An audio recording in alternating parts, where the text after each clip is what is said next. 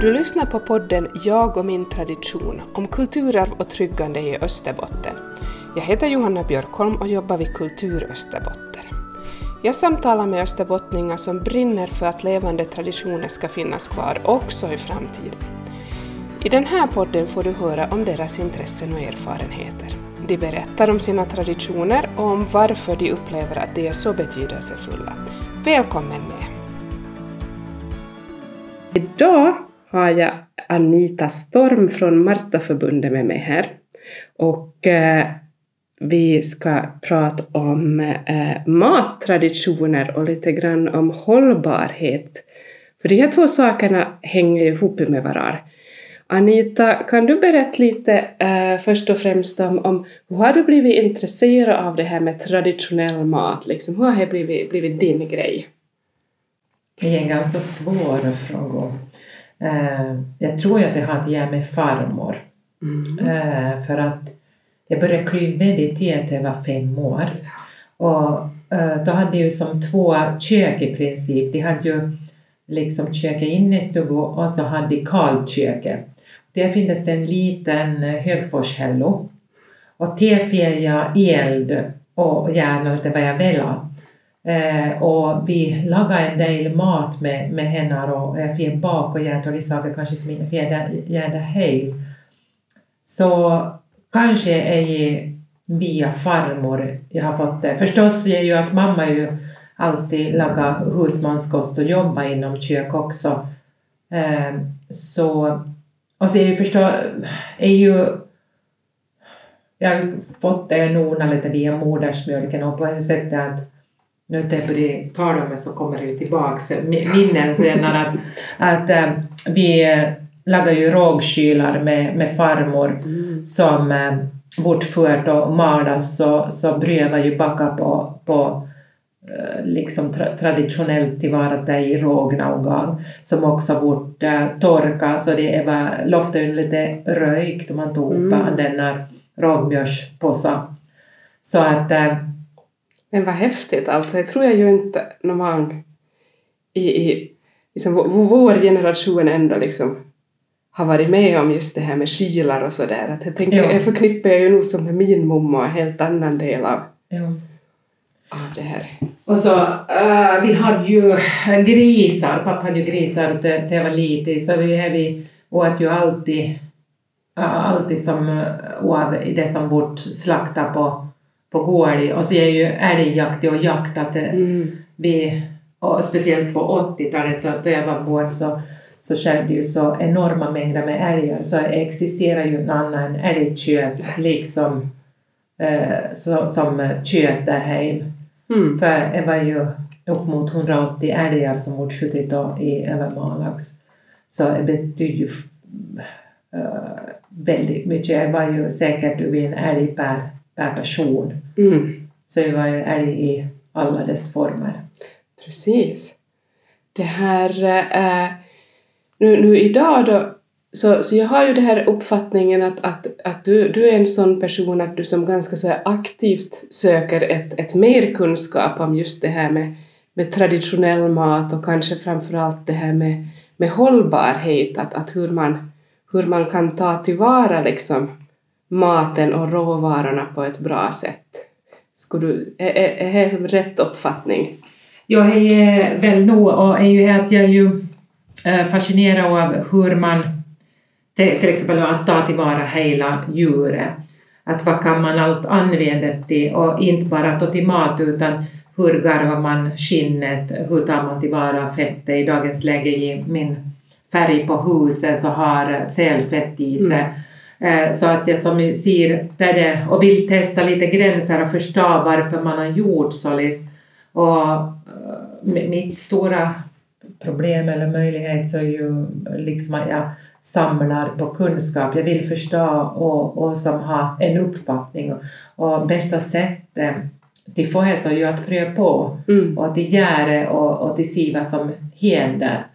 Och jag har ju sökt mig också till äldre personer som har gjort Gennard då, uh, för kanske 50 år sedan. Mm. Så i dagens läge så kan det vara 80 år eller således 90 mm. i vissa som jag har varit i kontakt med och, Och vi har haft sådär små workshops och, och, och gjort de ena sakerna i lag. Och, och jag tror ju, det är ju en intressant grej som jag funderar på i efterhand, att, att vi har ju haft, delvis har jag fått lära mig någonting, men sedan så har jag ju fått uppleva det som inte jag gjort på väldigt länge, Mm. som, som, som gör också att man får en, en det var en häftig situation och man kan analysera ganska mycket vad, vad som Mm. hände i den situationen. Vad fick jag, vad fick dig och vad tog vi ut som, som he- helhetsmässigt Ja. ur denna?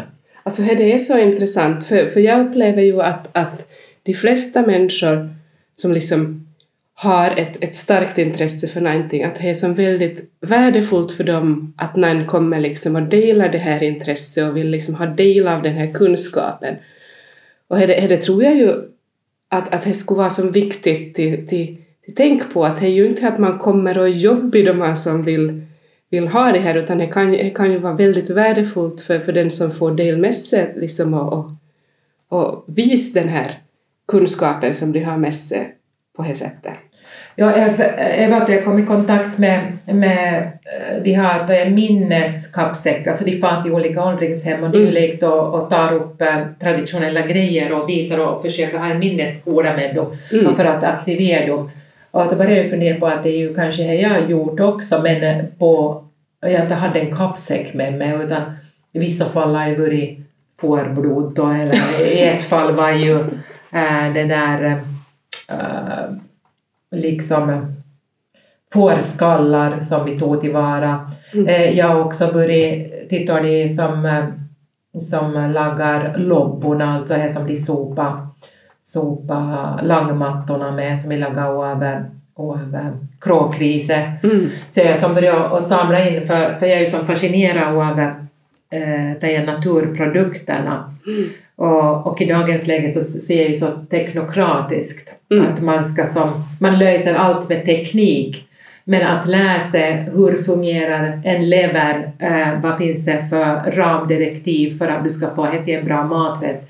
Eller en träbit, hur ska du behandla det här så du jobbar med träet och inte mot träet.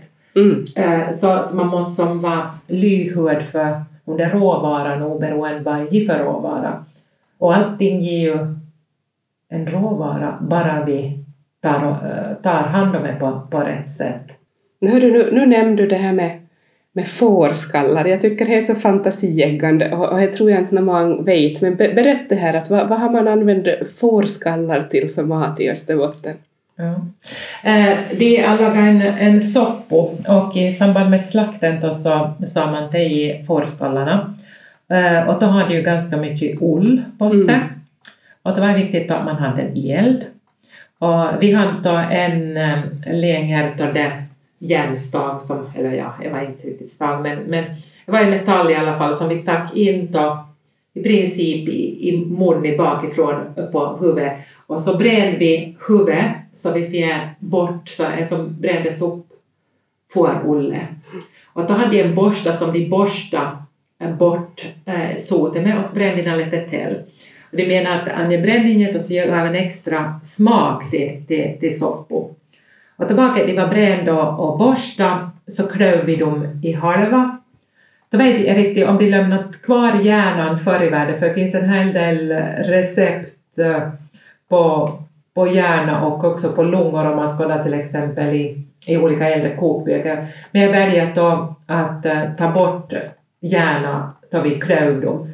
Och så saltades det in så vi lägger dem i ett kar och lägger äh, grovsaltet på och lägger dem i, i, i som varvar dem i, i saltet. Då letade vi dem bara till i vek eh, och sedan så tog vi upp dem, eh, äh, saltade ur dem lite och kokade dem. Och då plockade vi bort köttet. Förr i världen kan jag tänka mig att jag lämnar kvar lite mer av, eh, av liksom, så de till och med hade med ögon och dylikt. Men äh, vi lämnade det, vi som plockade löst det som fanns då ovanpå själva, äh, själva skallbenet. Och de påstod då att den muskeln som finns strax under ögat så han, han var det allra bästa. Men i princip så använder vi ju lite torge i dagens läge för vi hade ju också eh, som lammkinden, för kind är ju vårt populärt nu i de. Så det var ju med där också. Eh, och då använde vi anjebuljongen som uppstod och lagade en soppa på det och då skulle jag vara ärtor till. Eh, vi tog buljongen från eh, enar själva skallekoket och så skulle jag vara som pärorna då. Eh, och de facto gången så hade vi ju som tio skallar som vi, vi lagade, så ganska stora mängder. Så vi beslutade att, beslutade att vi skulle bjuda in hela byn då, eller så mm. sätta upp en lapp då, man får komma jätte det var intressant att se denna för det var ju många som kände till men kanske inte hade gett det på, på, på senare år, då. Kanske på 30, 40, 50 år. Eh, och de kom inte och sa att de skulle nog bara komma och skåda och så kom de som att kika om det skulle finnas säkert några ögon mm. eller dylikt i, i kastrullen så det skulle som vara något äh, speciellt där. Men sen så, så de nu fick äh, ett tallrik framför sig och hade gett en tallrik så kunde de nog ta en andra och en tredje tallrik och för de tyckte det var gott. Mm. Eh, så att eh, som jag har sagt många gånger förr att mycket av problemen alltså sitter ju mellan öronen. Men vad intressant. Alltså har, har era namn det här? Det här För, förhornssoppo mm. äh, kallar det då. Och, äh, det började ju egentligen att de visade gamla foton då Anja Enas äh, mamma tror jag var, eller om det var frun som hade gjort äh, Jenna, så det fanns några när bilder och henne då, då de hade gjort den samma processen då för 40-50 år sedan. Och så startade det upp att ja, men, ska vi göra det på nytt? Och, och um, ja, och mm. jag lär mig någonting och så fick jag återuppleva gamla minnen. Precis. Och du sa att det här var i Björköby som ni hade gjort det här projektet, var det så? Jo, det var ja. det som vi, vi gjorde då. Så det var tre äldre män och, och jag då, mm. så de var, de var från 80 till 90 år i princip. Och då vi gjorde olika saker och de visade så, så var det en som sa men vet du vad, jag ju bara sett mamma, mamma gjort jag, jag har ju aldrig måste göra det och nu, nu är jag som nästan 90 år och, och nu gör jag det som så, så jag är ju inte alls bra på att gena men, men, men se, se jo mamma.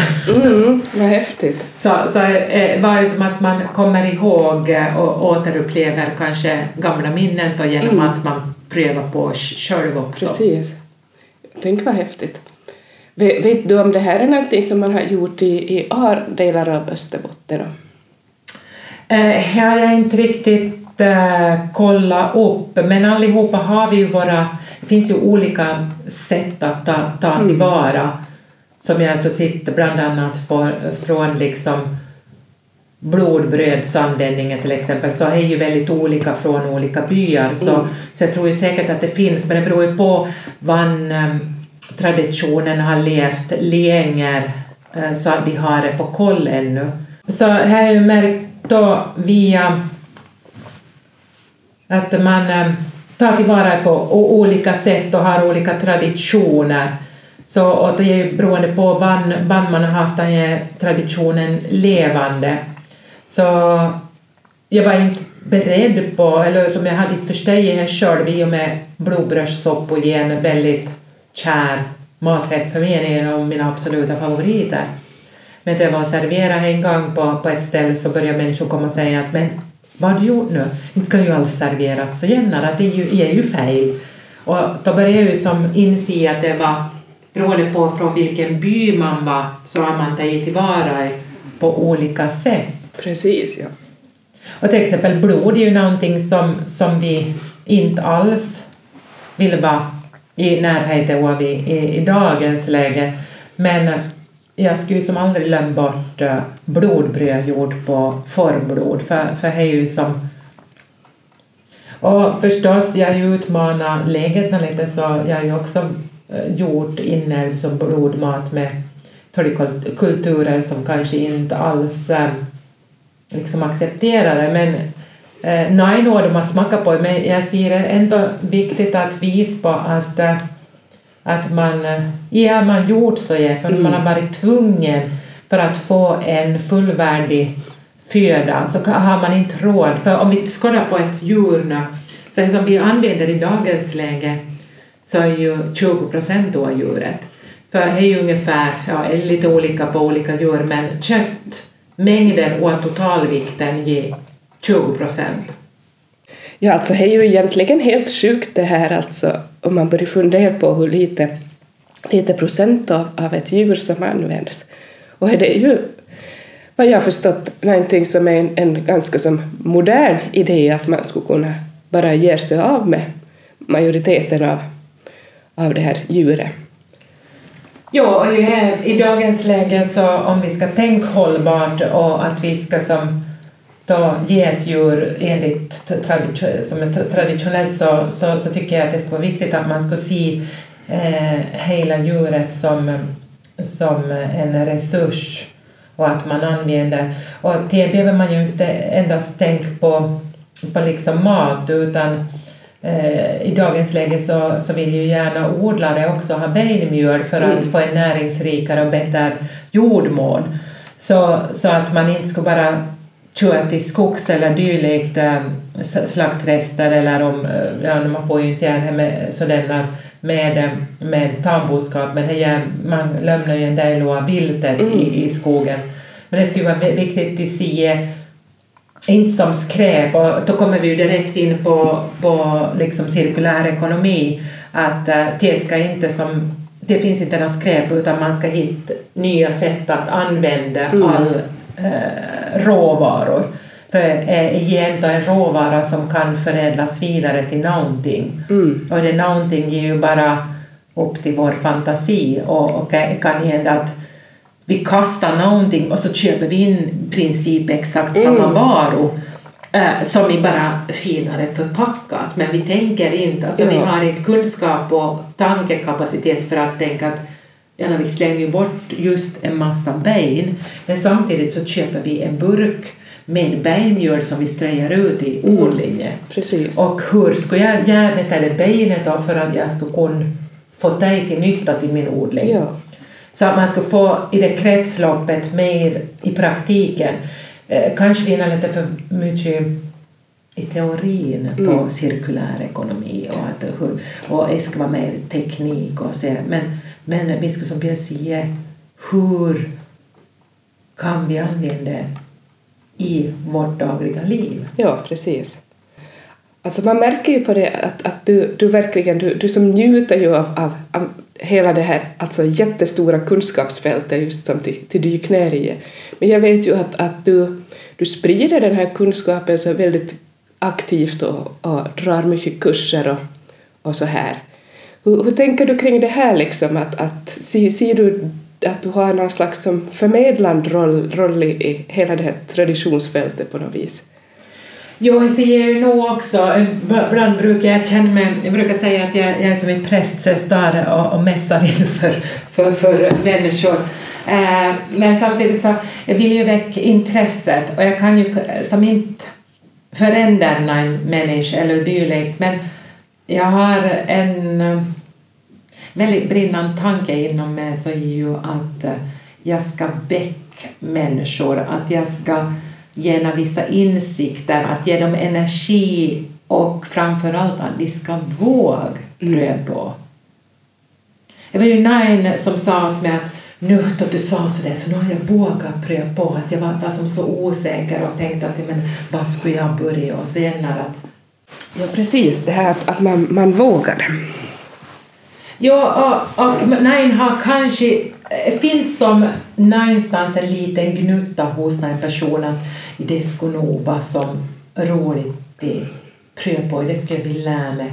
Men man hittar inte som den sista kicken som, Mm. som sparkar igång igen för att verkligen förverkliga den den, drömmen eller dylikt.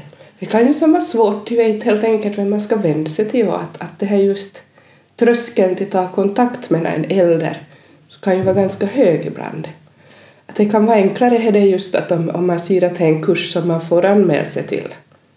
Ja, och he, he är säkert, och jag får ju ganska mycket frågor så emellanåt så vet inte jag eh, vem jag ger eh, till att få de ena frågorna. Alltså är arbetsrelaterat eller vad är till Anita privat eller vem, vem kontaktade ni och vad, vad gjorde jag just? Men jag svarar ju gärna på frågor och, och jag går ju igång på att människor vill veta. Mm, precis. Jag hade en presentation om um, smartfisk, alltså utnyttjade fiskarter, Mm. förra veckan. Uh, de var 15-20 yrkesfiskare och de liksom hade koppling till yrkesfisket och fisk i um, Västerbotten och Västernorrland. Mm. Och det var jätteintressant att få feedbacken då från, eh, från eh, han som var arrangör av Ångereis till Österbotten. För på båt i Heim så hade de just tagit fasta på ja, men, outnyttjad fisk. Hur kan vi ta tillvara här? Mm. Och sedan äh, skriva att, att de hade börjat fundera på logistiken. Ja. Att vi måste börja samar, samarbeta och dylikt. Så det känns ju fantastiskt bra att man har som steg och presentera hur man tänker kring eh, just hur man kan ta tillvara vad heter de speciella egenskaperna hos varje fiskart.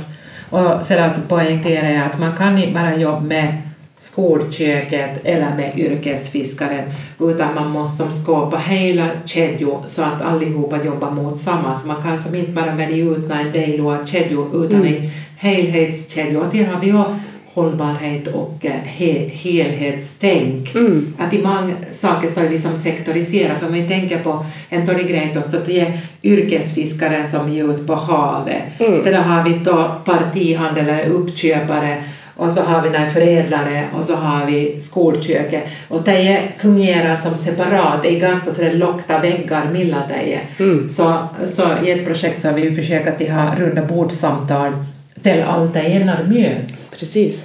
Och då var det ju att jaha, men vi trodde ju att det skulle Ja. såga sådana och sådana.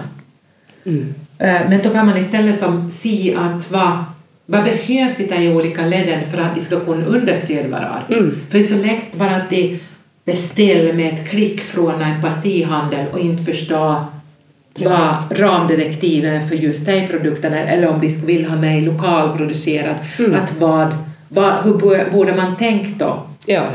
Så, så man behöver ha diskussioner mellan olika aktörer. Precis. Ja, för det är ju att, att om, om du just är ute efter sådana här speciellare traditionella råvaror så det kan ju vara väldigt svårt att få tag på helt enkelt att, att veta hur man ska gå tillväga för att till, till hitta det här. Ja, för vi är ju så vana bara till, gå till, till disken Mm. och plock. Mm. Som, men inte finns det här, utan du måste ju... Jag har ju mycket kontakt med, med liksom uppfödare och med, med de som har gårdsbutiker. Mm. Och så säger jag då att eh, ja, jag vill ha 15 kilo grisfett. Och så får jag 15 kilo grisfett infrusit. Ja. Men det skulle jag aldrig få från en butik. Nej. Utan då måste jag ha mina kontakter. Eh, Jag beställde bräss från eh, många olika raser eller eh, djursorter. Så jag hade lammbräss, jag hade kalvbräss. Så, och Berätta, vad är bräss? Eh, bräss är en eh, körtel som finns eh, på djur är fyra till sex månader. Mm. Och om vi far mot Europa så finns det ju på jättemycket restauranger. Mm. Och det är ju en delikatess som, som, som man använder till er. Vi har säkert använt det här också men ingen liksom diskuterar det. Mm. Men det var ju hur lätt som helst, jag bara sa åt Tommy att nu, nu vill jag ha det. Mm. Och så meddelade jag att nu finns det i frysen vi med, så är det bara att komma hem. Ja, precis. Så, så de levererar alltid vad jag vill ha. Ja. Jag kan ta, ta en tid men bara jag har lite framförhållning så får jag det jag vill ha. Mm. Precis. Och som just tungorna, alltså en och hjärta. Mm. Alltså rökt älghjärta som man skivar upp i tonnaskivor. Och att det bästa röktköttet du kan få, för det är en Mm. väldigt speciell muskelstruktur för, för äh, muskler i hjärtat har annan uppbyggnad än muskler annars. Mm. Och du får som väldigt fina produkter och här.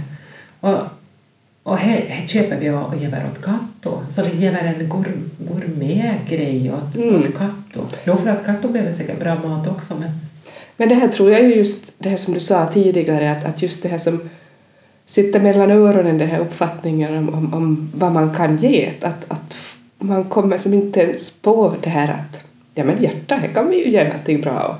Mm. Ja, och så ger ju äh, att allting ska som visas i stekpannor Mm. och så ger färdigt.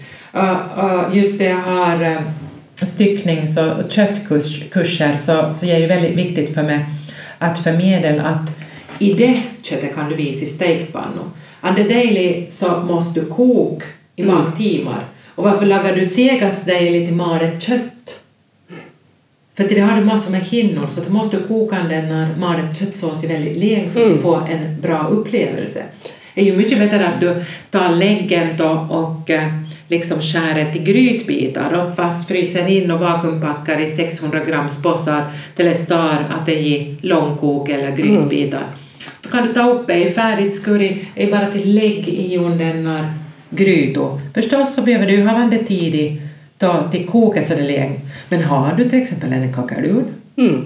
så ge bara till, sätt in det på kvällen och det färdigt på morgonen. Ja. Utan att du behövt göra någonting själv, bara lägga tid. Så det är ju verkligen slow food men på ett snabbt vis så du lagar mat medan du sover. Ja, jättepraktiskt. Ja. Och ju många som, som gäller i Torgena-konstruktionen nu med Mm. dagens elpris så eh, man kan som ta, ta ut någonting av Mm. måste bara planera lite och förstå vad man kan använda. Ja, precis. Det här, om, om det är nu någon som, som lyssnar på det här och tänker att, att wow, det här med traditionell mat och, och, och så här, traditionella sätt i förhållande till mat, att det är någonting som jag skulle vilja verkligen liksom, engagera mig i. Har du några bra tips då? Liksom? Vad ska man, vart ska man vända sig och, hur ska man börja på? Eh, Jag tror att man kan försöka hitta människor som har lagat mat Mm.